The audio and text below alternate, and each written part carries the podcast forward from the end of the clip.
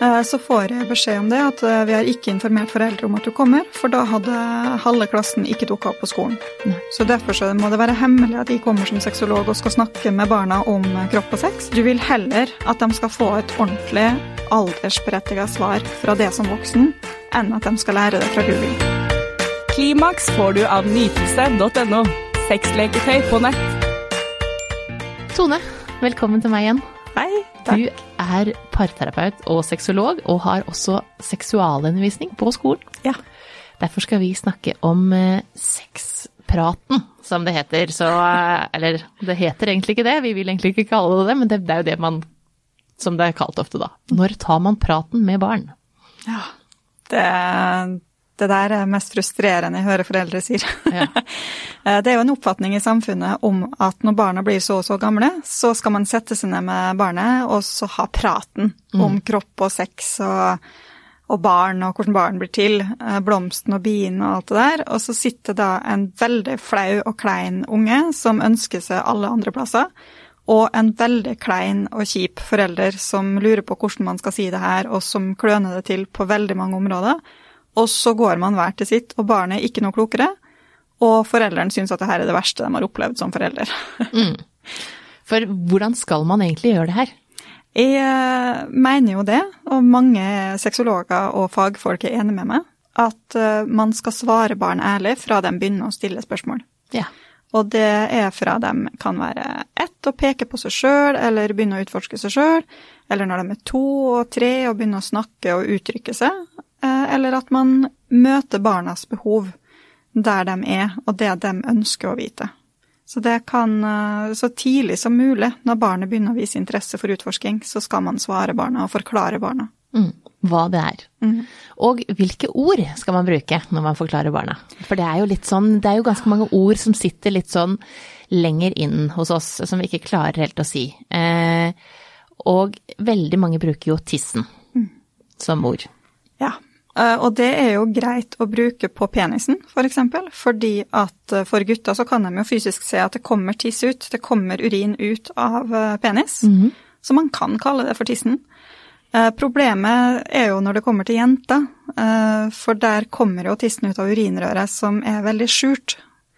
Eh, Så det er veldig mange ungdomsskoleelever og videregående elever jeg snakker med rundt omkring, som tror at man urinerer ut av skjeden. Eh, Fordi at vulva og vagina har blitt kalt tissen siden de var barn. Så de lærer ikke at det er et helt annet system for kvinner enn for gutter. Og eh, når er det man eh, Altså fordi at barn utforsker jo kroppen sin hele tiden. Mm. Helt fra man er veldig liten. Eh, Og jeg har jo eksempler fra venner og kjente som f.eks. En, eh, en kompis av meg som eh, eh, skulle vaske barnet sitt. Eh, Hun satt i badekaret, barnet satt i badekaret, og eh, hadde en klut, og så tar han kluten bare opp for han skal vaske ansiktet, og så går den forbi vagina. Og eh, barnet sier eh, 'pappa, kan du gjøre det en gang til?' For det var deilig. Og han får helt panikk, for han blir jo så redd for at det her eh, Jeg vil jo ikke gjøre noe sånt. Altså, det her er ikke noe Nei, nei, nei. Får helt Hva skal han gjøre? Hva skal han si? Hva gjør man i sånne eh, situasjoner når barn er, kjenner at noe er deilig, og de har jo ikke noen tanke med det her i det hele tatt, og hva gjør man da? Det er veldig viktig som forelder å huske på det, eller som voksen generelt, at barn som spør om sånne ting, de tenker jo ikke i seksuelle retninger. De utforsker kroppen sin, og de legger, til, eller legger merke til uh, nye ting på kroppen hele tida. Så det jeg ville ha gjort som forelder der, det var å gi kluten til barnet og si at vær så god, du kan vaske deg sjøl. Kan, du, eh, kan du gjøre det her sjøl? Ja. Det er ikke verre enn det. Nei, for det er jo oss foreldre som da syns det her blir vanskelig, for vi tenker jo annerledes enn barna. Eh, så vi, og vi vil jo ikke ha noe sånn herregud, det her eh, Jeg vil ikke ha noen forbindelse med det, og herregud, det er noen andre som hørte det. Eh, Istedenfor å bare ta det her helt normalt, for det her er jo handler om å bli kjent med sin egen kropp, og det er kjempeviktig at barnet ditt blir kjent med sin egen kropp. Og spesielt i badekaret, da, så er det jo der ofte man finner ut at eh, dusjhodet var veldig deilig, at det, det var stimulerende. Og eh, man finner jo ut en del ting som man faktisk bare ikke, ikke noen har gitt beskjed om, men som man tar her og der, som gjør at du plutselig kjenner opp. Altså, jeg har jo en historie om min datter på tre og et halvt. Ja. Eh, Jeg har en sånn massasjestav som Ida bruker så til massasje, for det, den blir for kraftig til vibrator. Eh, Og så satt jeg i stua og brukte den på skuldrene mine og på nakken, og så sier eh, sønnen min på ti at mamma, kan jeg få prøve? Mm. Ja, ja, selvfølgelig. Så han tok den jo på skuldrene, og så prøvde han den eh, på tissen og sa å, mamma, det kiler veldig. Eh, Så det var liksom hans oppdagelse av det. Og så står treåringen ved siden av, og jeg vil altså prøve.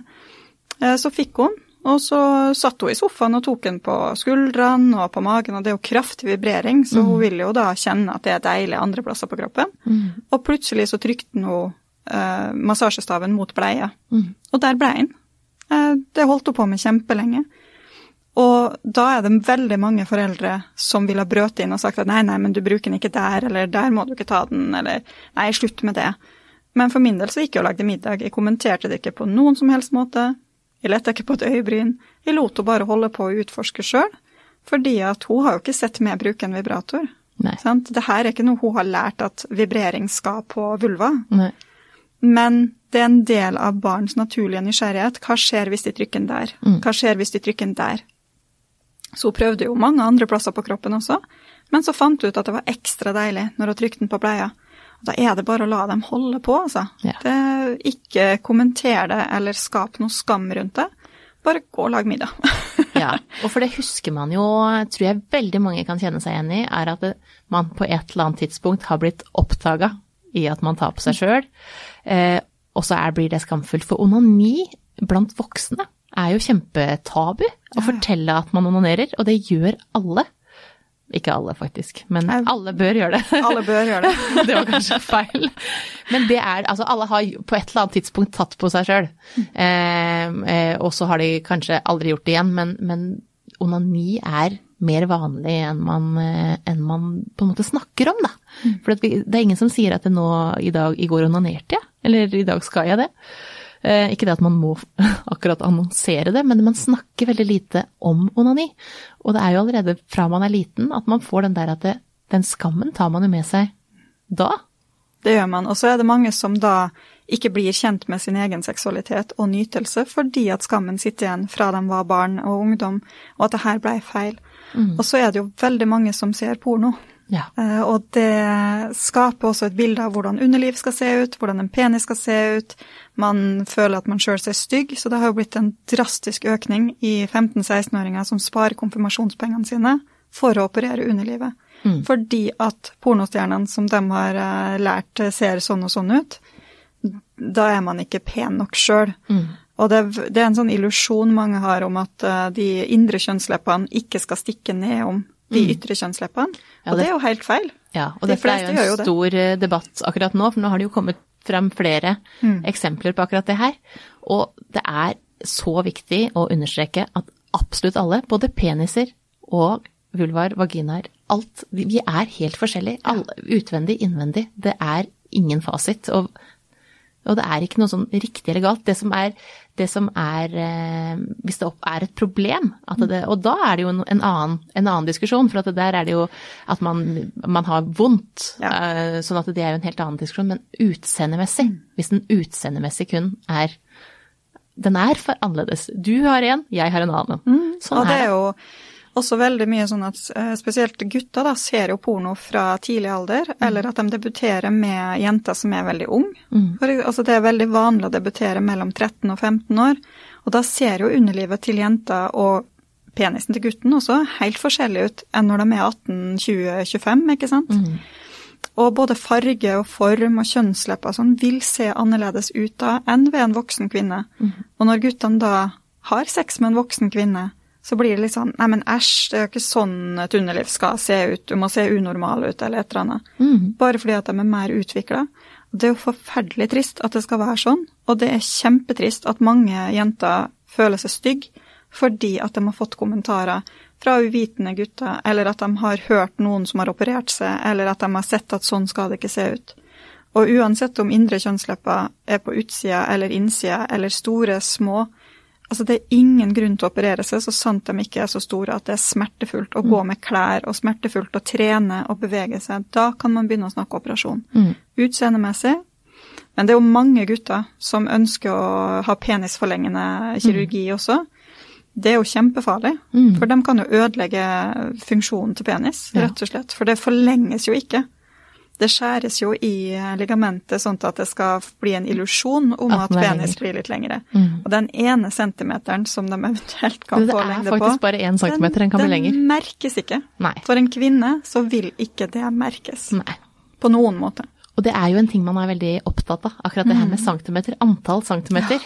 Det er et stor eh, Altså, det er en diskusjon, altså. Det er Men det, det har faktisk egentlig ingenting å si. Nei. Altså, jeg får jo spørsmål daglig på Instagrammen min fra gutter som spør om hva er normalt, er jeg stor nok?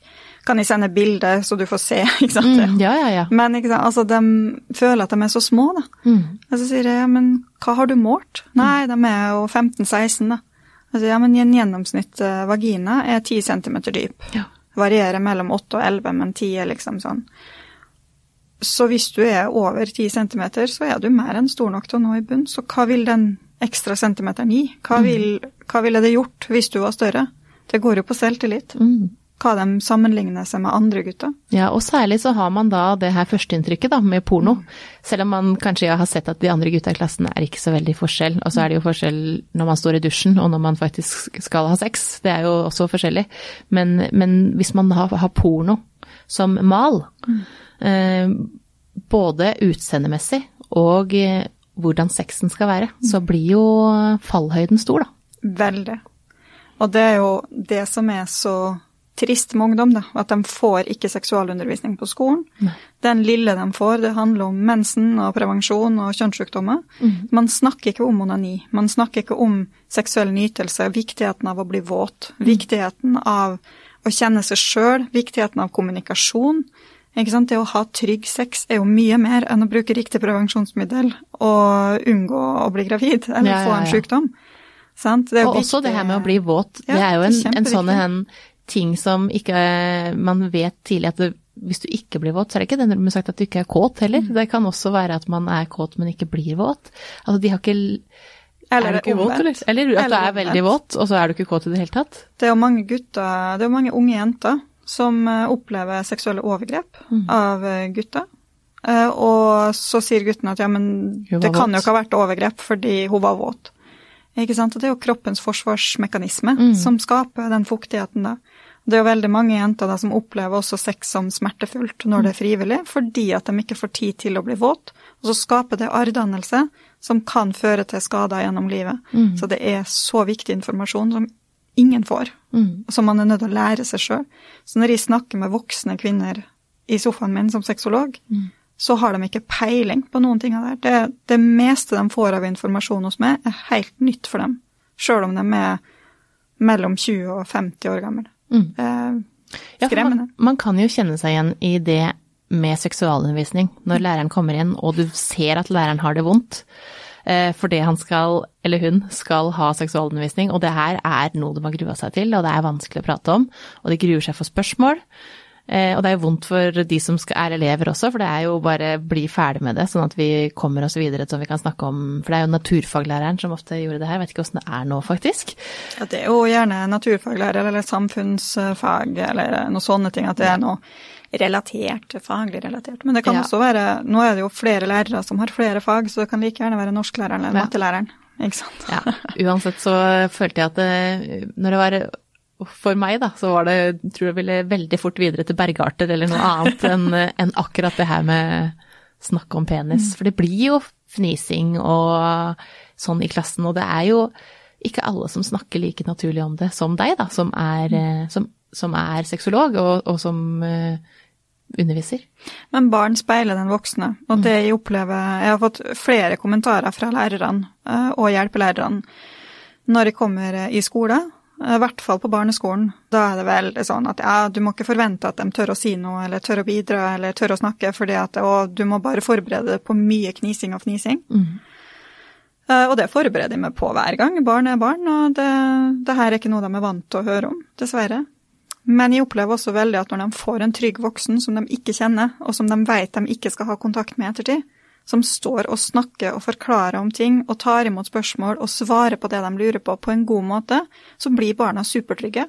Så det er jeg hadde en, uh, undervist en femteklasse en gang, og da fikk jeg beskjed på forhånd det med at ja, det var den mest knisete klassen på skolen, og jeg kunne ikke forvente å få noe ut av dem. De var så seriøse og hadde så gode spørsmål og delte historier i hytt og pine og hadde veldig avanserte spørsmål til å være ti år gamle. Mm. At læreren kom etterpå og sa vet du hva, det her hadde jeg aldri trodd. Men barna speiler den trygge voksne som står der, og vet at nå kan vi faktisk lære på Vi kan lære om alle de spørsmåla vi har. Mm. Ikke sant? Og da ser man jo da viktigheten av bare det å svare, og bare gi et svar uten at det er, et, er så vanskelig. For det er jo bare det er bare de vil jo bare ha et svar. Og så er det jo ikke bare skolen sin, eh, sin, sitt ansvar for å lære opp barn. Eh, først og fremst så er det jo eh, i hvert hjem at man bør ha tatt ikke praten, men snakke om det her naturlig fra de er små. Og det ser vi også når de drar rundt i skolen, i hvert fall på barneskolen. Mm. Eh, så får jeg beskjed om det, at eh, vi har ikke informert foreldre om at du kommer, for da hadde halve klassen ikke dukka opp på skolen. Nei. Så derfor så må det være hemmelig at de kommer som sexolog og skal snakke med barna om eh, kropp og sex, fordi at foreldre sender da ikke barna sine på skolen. Og det syns jeg er helt supertrist og frustrerende, og det viser hvor sterkt behov vi har for seksualundervisning. Ja, for de foreldra som ikke sender barna på skolen den dagen, det er jo ikke de som tar praten eh, hjemme. Det er jo ikke de som er åpne.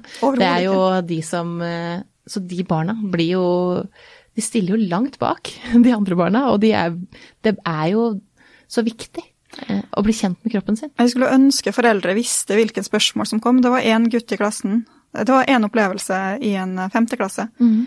Eh, det var en gutt som spurte. Han rekte opp hånda i været, veldig sånn alvorlig når han spurte. Altså sånn Du, sexologen, kan man ved et uhell tisse inn i jenta når man har sex med henne?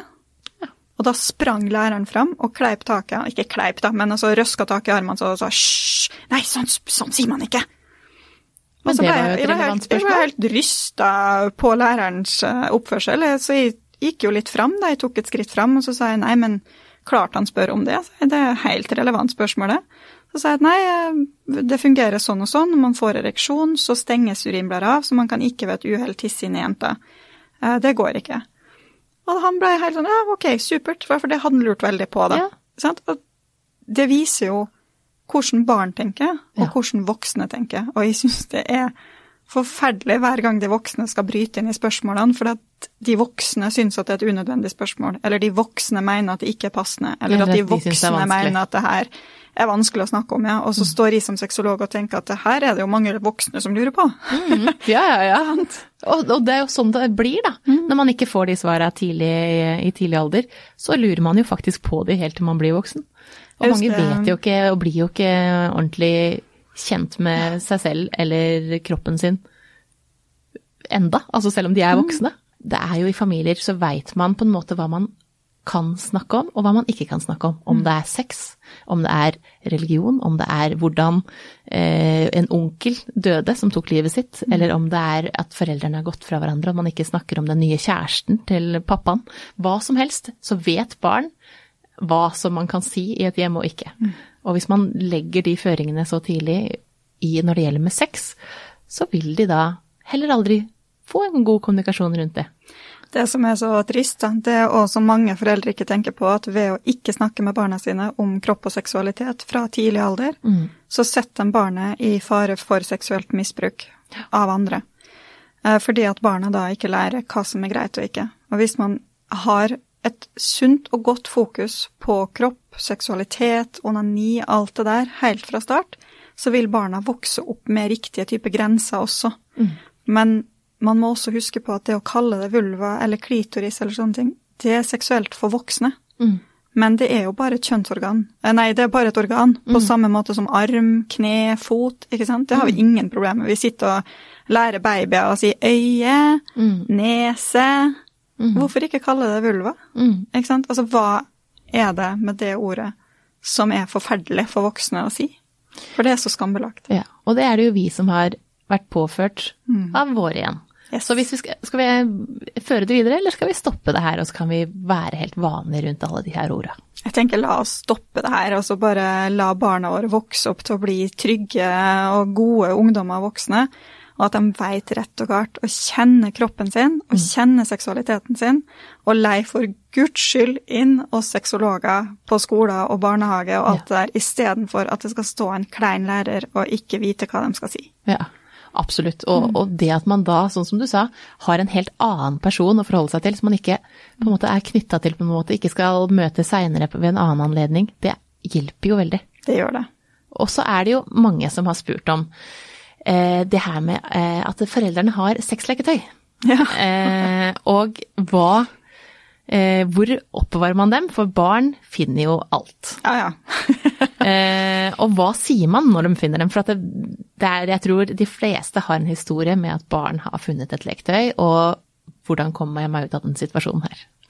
Jeg tenker at det er ikke en situasjon man skal komme seg ut av.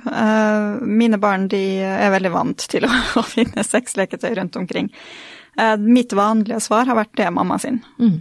Uh, de har ikke spurt så altfor mye, så guttungen på ti han har begynt å spørre litt. Hva bruker den til? Så sier jeg nei, men det er mamma sin. Det er en vibrator. Mm. Og da vet jeg at han går og googler vibrator etterpå. Mm.